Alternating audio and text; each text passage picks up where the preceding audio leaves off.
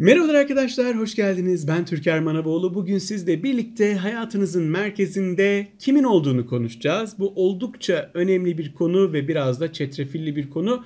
Çünkü çoğu zaman farkında olmayabiliyoruz ama Hele ki hayatınızda bir mutsuzluğunuz varsa, ilişkilerde problem yaşıyorsanız bir bakın hayatınızın merkezinde kimin olduğuna.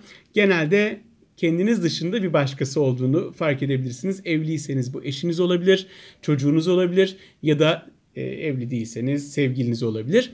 Şimdi burada şöyle bir problem var. Temel itibariyle ben bunu diğer videolarımda da anlatıyorum. O e, geçmiş videolarıma bakarsanız sevgi eksikliği ile ilgili bir videom var özellikle orada daha detaylı anlattım. Bir sevgi boşluğu varsa içimizde, bir sevgi görme ihtiyacı varsa, bir değer görme ihtiyacı, değersizlik duygusu varsa bunu ilişki yoluyla kapatma, telafi etme yoluna gidiyoruz genelde. Yani bir ilişkimiz olduğunda karşı tarafın bize vereceği sevgiyle o boşluğu doldurmaya çalışıyoruz ya da vereceği değerle o değersizlik duygusunu örtmeye çalışıyoruz. Fakat şöyle bir atasözü var çok iyi bilirsiniz ki taşıma suyla değirmen dönmez. Bir başkasının vereceği sevginin garantisi yok arkadaşlar. Ya o sevgi size yetmez ya da e, yarın o sevginin devam edeceğinin bir garantisi yok. O insan hayatınızdan çıkabilir, küsebilirsiniz, yollarınız ayrılabilir ya da ölebilir. Yani hayatta her şey bizler için. Dolayısıyla hayatınızın merkezinde bir başkası varsa ve onunla yollarınız bir şekilde ayrılıyorsa bu hani adeta e, ayakta dururken halının altınızdan çekilmesi gibi kötü bir duygu. Bütün hayatınızın tepe taklak olduğunu hissedersiniz. Bütün hayatınızın merkezinin darmadağınık olduğunu, darma duman olduğunu hissedersiniz arkadaşlar. Dolayısıyla burada böyle bir sıkıntı var. Yani hayatınızın merkezinde kim varsa bu çocuğunuz da olabilir, dediğim gibi eşiniz de olabilir, sevgiliniz de olabilir, bir arkadaşınız da olabilir. Onun hayat boyunca yanınızda olacağının hiçbir garantisi yok.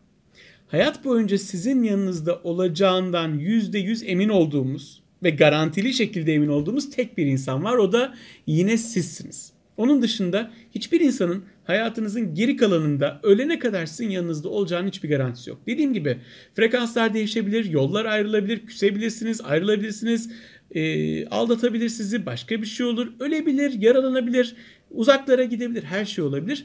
O insanın hayatınızın geri kalanı boyunca siz ölene kadar duracağının hiçbir garantisi yok. Dolayısıyla bütün adeta hani sepetinizdeki yumurtaları ona yatırırsanız e, o zaman hüsranla sonuçlanma ihtimali oldukça yüksek ve şöyle bir sıkıntıya da sebebiyet veriyor. Hayatınızın merkezine başkasını aldığınız zaman ona karşı bir bağımlılık duygusu yaşayabiliyorsunuz. Bu çok kötü bir şey. Yani bir sigara bağımlılığı gibi, bir uyuşturucu bağımlılığı gibi adeta bir bağımlılık yaşıyorsunuz ve ondan kopamıyorsunuz. Bazen hani ben bunu çok görüyorum diğer danışanlarımda da.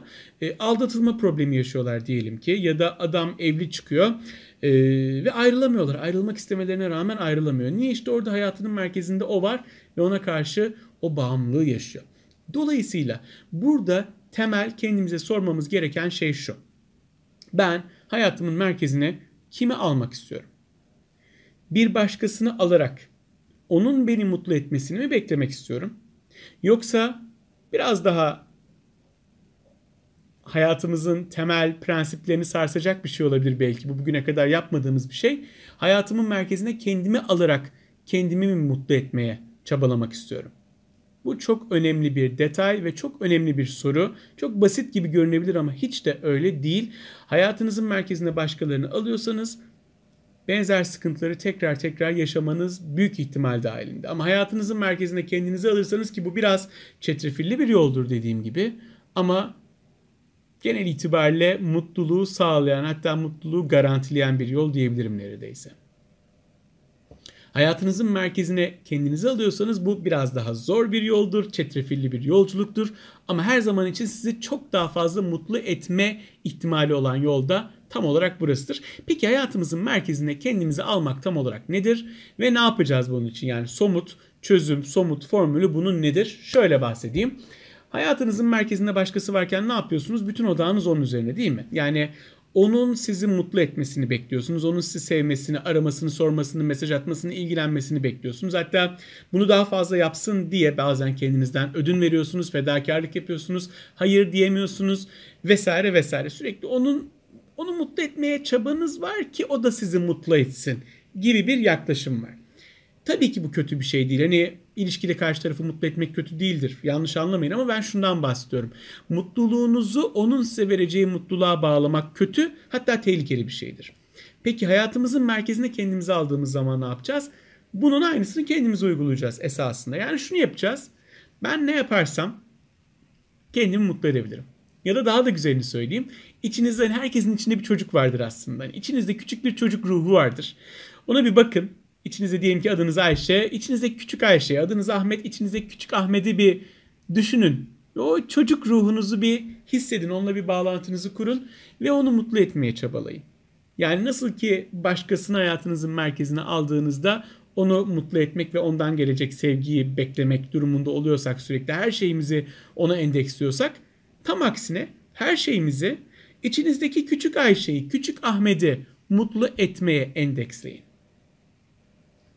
Sabah kalktığınızda, yolda yürürken, boş boş evde otururken, canınız sıkılırken, tatildeyken, çalışıyorken hayatınızın her alanında kendinize şu soruyu sorun.